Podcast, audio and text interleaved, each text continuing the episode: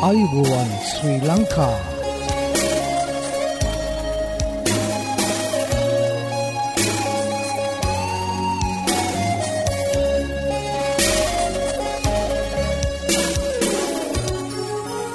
ඔබට සුපදස මේ ඇඩවෙන්ටිස් වර්ල් රේඩියෝ බලාපොරොත්වය හඬයි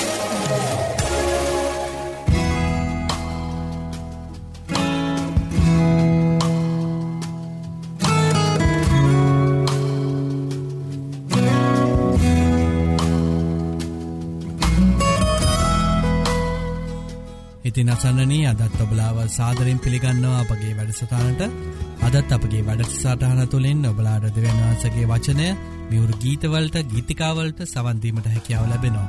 ඉතිං මතක් කරන්න කැවති මෙම වැඩසටානගෙනෙන්නේ ශ්‍රී ලංකා 7ඩ ඇඩවෙන්ටිස් කිතුුණු සභාව විසින් බව ඔබලාඩ මතක් කරන්න කැමති.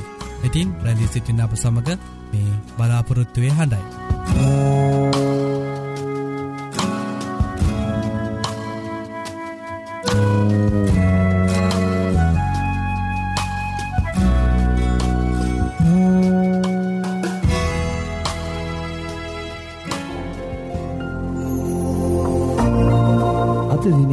බයිබල් පාටය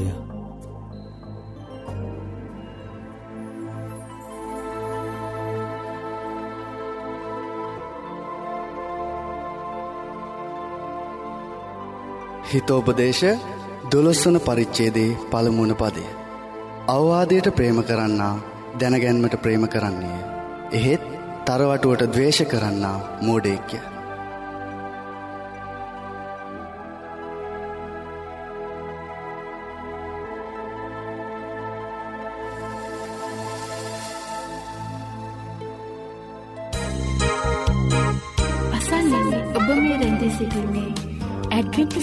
රේඩියෝ බලාපොරත්තුවේ හඬ සමඟ.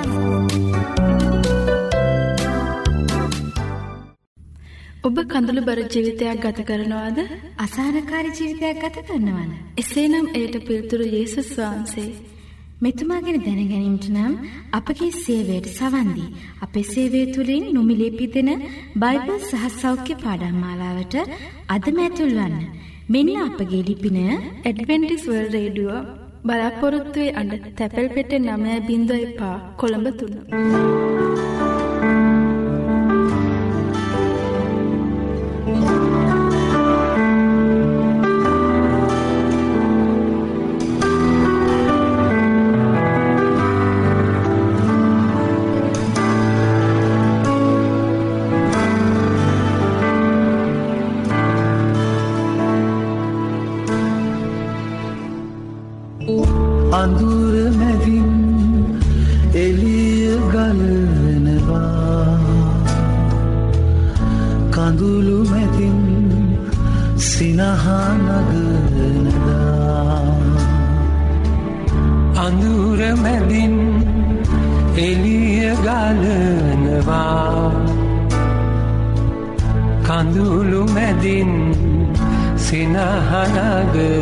එදා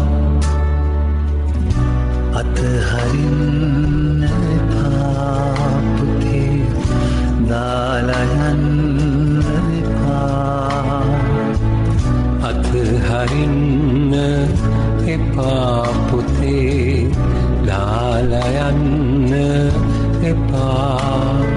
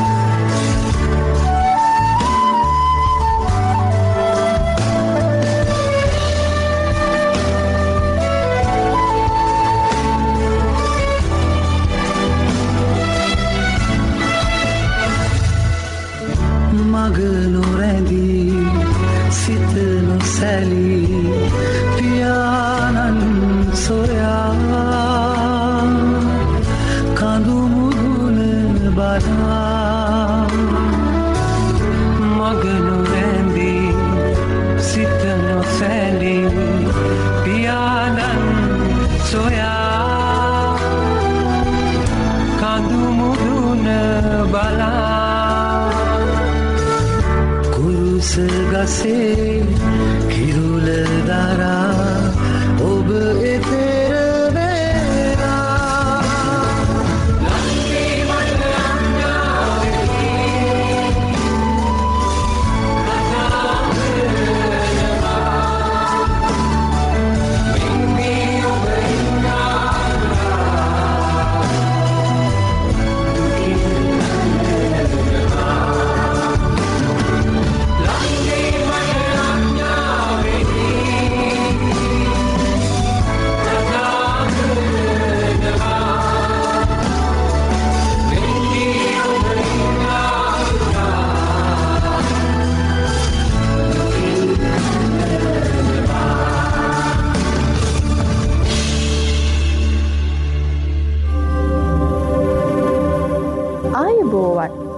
ඔබ මේ සවන් දෙන්නේ ඇඩවෙන්ටිස් වර්ල්ඩ රේඩියෝ බලාපොරොත්තුවේ හඬටයි.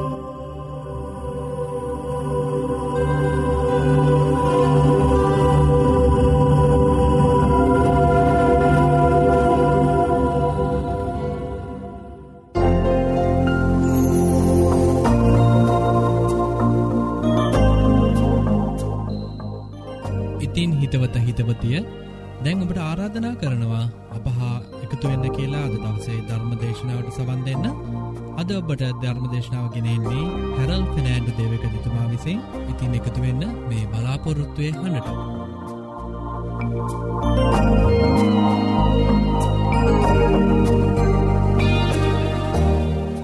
ඔබ ජීවත්වන සමාජයේ එමත් නැතම් ප්‍රදේශයේ ඒමත් නැතන ඔබ රැකියා කරන ස්ථානයේ පමණක් නොවෙයි.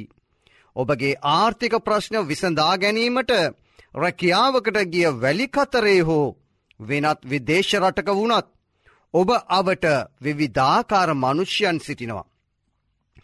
මේ අය අතර ඔබ වටා සිටින අහංකාරිකයෝ බැහැපත්කම පිළිකොල් කොට සලකනවා වන්නට පුළුවන්. ඒ වගේම ධනවතා බලවතා දුප්පතාව අහිංසකයාව පිළිකුල් කොට සලකනම. ධනවතා බලවතා වැටෙන්න්නට යන විට. ඔහුගේ මිත්‍රයෝ ඔහුව වැටෙන්න්නට නොදී අල්ලා ගන්නවා.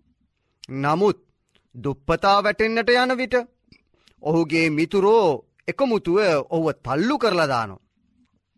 ධනවතා හෝ බලවතා ලිස්සුවොත් බොහෝ දෙනා තමන්ගේ අත්වලින් ඔහුව අල්ලා ගන්නවා. ඔහු විකාරබස් දෙඩුවත් ප්‍රසංසා කරනවා. දුප්පතා ලිස්සුවොත් ඔහු තදින් දොස්නගෙනවා.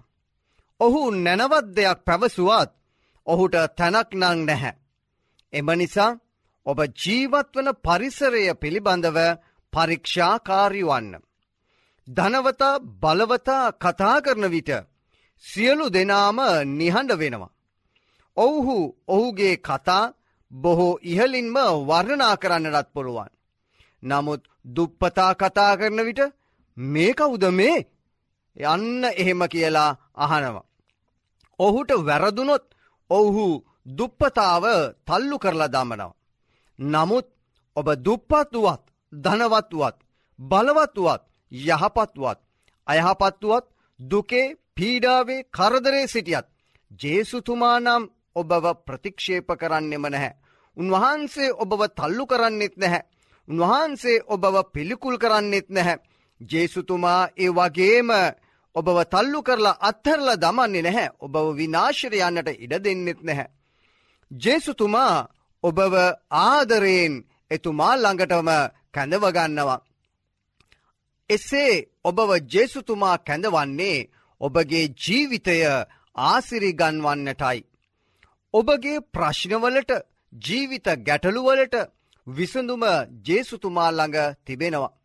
ඒ නිසා අදම මි මොහොතේදීම ජේසුතුමා වෙතට එන්න. එතුමානම් ඔබව කොහොමටවත් අත්හරිනි නෑ. ඔබ මොන ආකාරය තත්ත්වයක ජීවිතය තිබුණත්. ඔබගේ ශරීරය මොනාකාරය වුනත් ජේසුතුමා ඔබව පිළිකුල් කරන්නෙත් නැහැ එපා කරන්නෙත් නෑ. ජේසුතුමා ඔබට ආදරෙයි ජේසුතුමා ඔබට අඩගසනවා ඒ නිසා ජේසුතුමා විතට මෙන්න. පාපය නැති තැන ධනය හොඳයි. දිලිඳුකම නපුරකි දුදනෝ කියනවා. හොඳට හෝ නරකට හෝ මිනිසාගේ සිත ඔහුගේ පෙනුම හා හැඩගස්වනවා. ප්‍රීතිමත් සිතක ලකුණ මුහුණේ ප්‍රසන්න ස්වභාවයයි. වචනයෙන් පව් නොකලාවුද තමාගේ පව් ගැන ශෝකයෙන් සිත් වේදනාවක්ද නැත්තා වූ මිනිසා භාග්‍යවන්තයෙක්. තමාටම දෝෂාරෝපණය කර ගැනීමට හේතුවක් නැත්තාවුද. බලාපොරොතු අත් නොහරන්නාවුද මිනිසා ආශිර්වාදලත්තෙක් භාග්‍යවන්තයෙක් මසුරුම් මිනිසාට ධනය සුදුසු නැහැ. ලෝභ මිනිසාට මහත් ධනයක් ලැබීමෙන් අත් ඇති ප්‍රයෝජනය කුමක්ද. මසුරුකමින් ධනය රැස් කරන්නා එය අනුන්ටයි රැස් කරන්නේ. ඔහුගේ ධනයෙන් වෙනත් අය කදිමට පෝෂණය වෙන හැටි බලන්න. මේ ගැන සිතා බලන්න. තමාම සුළුකොට සිතන තැනැත්තා කවරෙකුට යහපත් විය හැකිද. ඔහු තමාට අයිති දේවත් බුක්ති නොවිඳින්නේය. තමාටම වද දෙන මිනිසාට වඩා අනුකම්පාරහිත මිනිසෙක් නැත්තේය. මේ ඔහුගේ දුෂ්ටකමට විපාකය වෙනවා. ඔහු යහපතක් කෙරේ නම් අදහස් නොකර එසේ කරනවා. අන්තිමේදී ඔහු තමාගේ දුෂ්ටකම ප්‍රකාශ කරනවා. නපුරු බැල්ම ඇති මිනිසා දුෂ්ටයෙක්. ඔහු තම නෙත් අහකට හරවාගෙන අනුන්ගේ ජීවිතය ගැන නොසලකා ඉන්නවා. තන්නා සහගත මිනිසා එ වගේම බලවත් මිනිසා තමාට ඇතිදෙයින් තෘප්තිමත් වන්නේ නැහැ. තන්හාාව ආත්මය වියලවනවා. මසුරා හැමතනම ලෝභකම් කරනවා. ඔහුගේ මේසේ මතයි සාගතය තිබෙන්නේ. ඔබ ඔබේ වත්කම අනුව ඔබටම සංග්‍රහ කරගන්න. සමිඳුන් හට ඔබින පඩුරු එතුමානන්ට ඔප්පු කරන්න. මොනවද ඔබ ඔප්පු කළ යුත්තේ. මොනවද ජේසු සම්මිධානන් ඔබගෙන් පඩුරුවසයෙන් බලාපොරොත්තුවන්නේ. කපුරු හඳුන්කූරු පොල්තෙල් නැතිනම් පළතුරු වට්ටියක්ද. එහෙමත් නැතිනම් මල්වට්ටියක්ද. නැහැ දරුව නැහැ පින්වත පින්වතිය. ජේසු තුමාට එහෙනම් මුදල් දවශ්‍ය නැහැ. ජේසු තුමාට මේවා ඕන නම් එතුමා මනුෂ්‍යයෙක් ලෙසින් මෙලොව සිටින කල තෙල්මල් පහන් සුවඳ මුදල් පූජාව ඉල්ලන්නට තිබුණ. නමුත් ජේසුතුමාගේ ඉගැන්වීම වූයේ මනුෂ්‍යයාගේ දේ මනුෂ්‍යයාටත් දෙවිඳුන්ගේ දේ දෙවිදුන්ටත් ලබා දෙන ලෙසින්. මොනවද දෙවිඳුන්ට අයිති. ජේසුතුමාට අයිතිදේ තමයි ඔබ. ජේසුතුමාට ඔබව අයිති. ජේසුතුමා ඔබටයි ආදරේ. එතුමාට ඕන ඔබවයි. ඔබව අයිති එතුමාටමයි.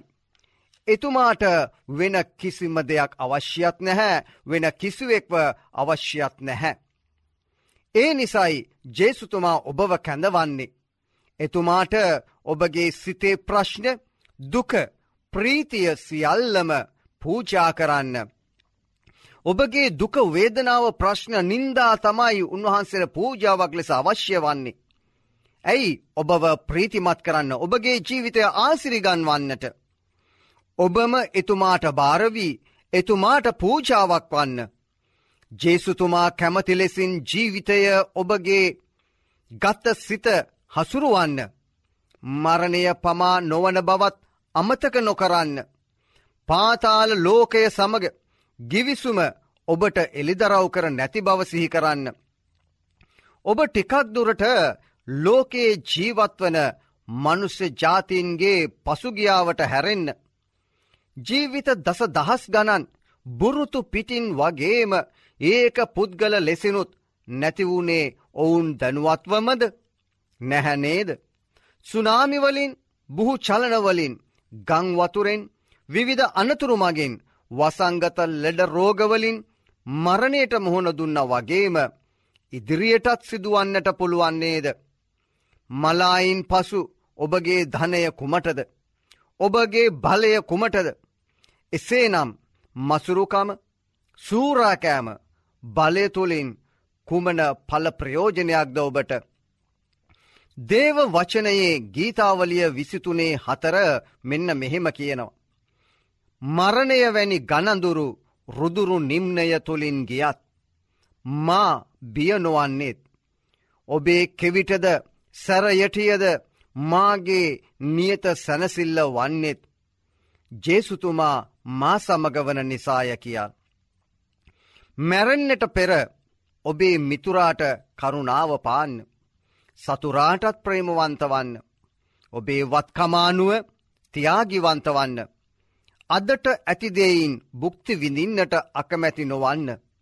යුතු ලෙස ඔබ ආශ්‍යා කරනදේ ගිලිහී යන්නට ඉඩ නොහරින්න. ඔබගේ ධනය වෙනත් අයට තබායන්නට සිදු නොවන්නේද.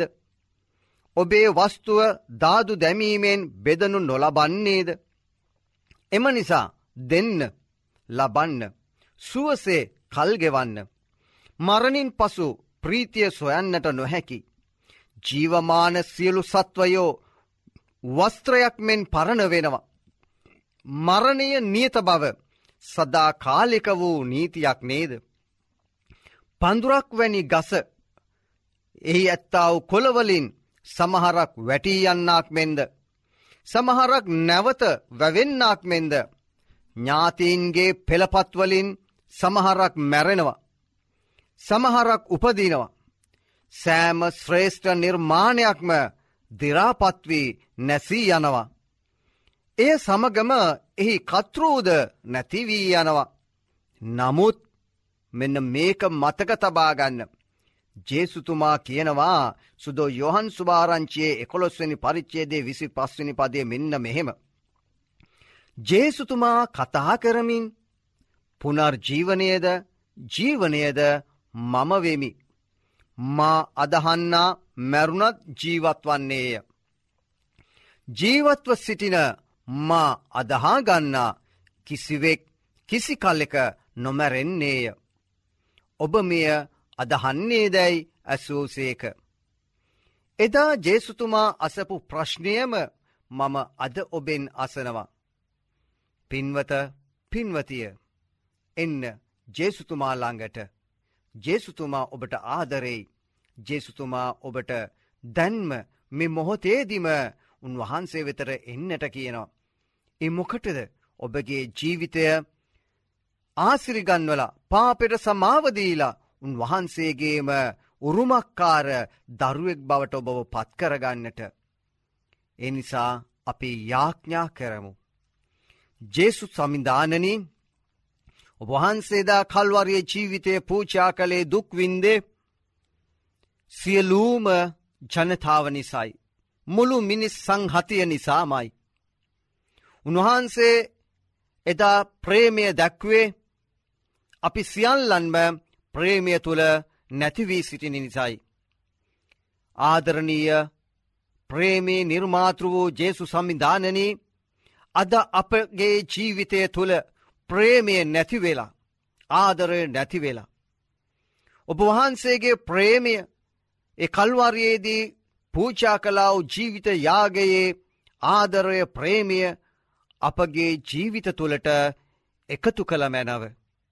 ඒ තුළින් ඔබ වහන්සේගේ දරුවෙක් බවට පත්වන්නට. ඔබ වහන්සේගේ පූචාව තුළින් ඔබ වහන්සේගේ උරුමක්කාරයෙක් වන්නට මට වරම් ලබාදුන මැනව. ඔබගේ ප්‍රේමිය තුළ හැසිරෙන්න්නට ඔබගේ ප්‍රේමය තුළ ජීවිතය ගොඩනගන්නට මාව දැනුවත් කළ මැනව. ජෙසු සමින්ධානනී මුළු මිනිස් වර්ගයාවම ඔබ වහන්සේට පුද පූජාවක් ලෙස භාර දෙන්නෙමුව. ඒ අයගේ සැනසීම වන්න. ඒ අයගේ ජීවිත ගැටලුවලට විසඳුම වන්න. ඒ අයගේ දුක්හිත ජීවිතයට ආශිරුවාදය බවට පත්වන්න. ඒ අයව තනි නොකර ඔබ වහන්සේගේ අතමත තබාගෙන ඔවුන්ව ආරක්ෂා කරගන්න. මේ සෑම කෙනෙක්වම ඔබට භාර දෙන්නේ ප්‍රේමයේ නිර්මාතෘ ජේසු සම්මිධානන්ගේ නාමයෙන්ය ආමේෙන්.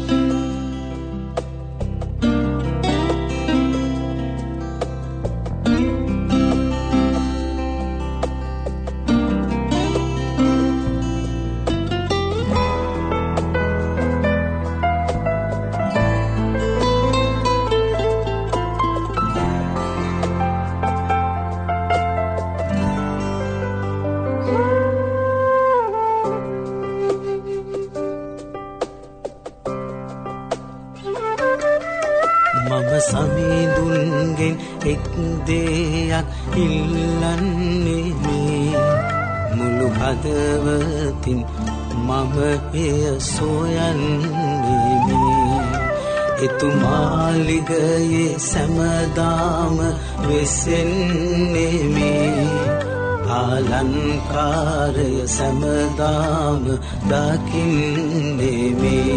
මිහිරි සුවඳක් ලෙසින් ඔබ නමදින්නෙමේ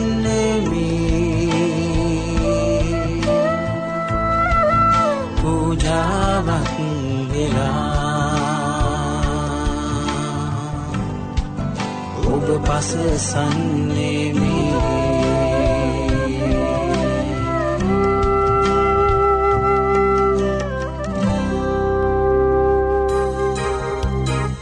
අසන්නන්නේ ඔබ මේ රැඳී සිටින්නේ ඇඩ්වෙන්ටිස් වර්ල්ඩ් රේඩියෝ බලාපොරොත්තුවේ හඬ සමග. යසායා 51:12 නුඹලා සනසන්නේ මමය. ඔබට මේ සැනසීම ගැන දැනගන්නට අවශ්‍යද? එසේනම් අපගේ සේවය තුලින් නොමිලේ පිදෙන බයිබල් පාඩම් මාලාවට අදම ඇතුල් වන්න. මෙන්න අපගේ ලිපිනය ඇඩ්වෙන්ටිස් වර්ල්ඩ් රේඩියෝ බලාපොරොත්තු වේ හඬ තැපැල් පෙට්ටිය 905 කොළඹ 3. අපේ මෙම වැඩසටහන තුළින් ඔබලාට නොමිලේ ලබාගත හැකි බයිබල් පාඩම් හා සෞඛ්‍ය පාඩම් තිබෙනවා. ඉතිං ඔබලා කැමතිනං ඒවට සමඟ එක්වෙන්න අපට ලියන්න. අපගේ ලිපින ඇඩවෙන්ටිස් වර්ල් රඩියෝ බලාපොරත්තුවය හඬ තැපැල් පෙට්ටිය නමසය පහ කොළඹ තුන්න මම නැවතත් ලිපිනීම තක් කරන්න. ඇඩවෙන්ටිස් වර්ල් රේඩියෝ බලාපොරත්තුවය හඬ තැපැල් පෙට්ටිය නමසේ පහ කොළඹ තුන්න. ඒ වගේ මොබලාට ඉත්තාමත් සූතිවන්ත වෙනවා අපගේ මෙම වැඩසටාන දක්කන්නව ප්‍රතිචාර ගැන. අපට ලියන්න අපගේ මේ වැඩසටාන් සාර්ථය කර ගැනීමට බලාගේ අදහස් හා යෝජනාවට අවශ්‍ය. අදත් අපගේ වැඩසටානය නිමාව කරාලඟාව තිබෙනවා ඉතිං පුරා අඩහෝරාව කාලයක් අප සමඟ රැඳී සිටිය ඔබට සූතිවන්ත වෙන අතර හෙටදිනියත් සුපුරුදු පරිදි සුපුරුදු වෙලාවට හමුවීමට බලාපොරොත්තුවයෙන් සමුගන්නාම ක්‍රස්ත්‍රිය එකනායක. ඔබට දෙවියන් වහන්සේකි ආශිර්වාදය කරනාව හිමියේවා.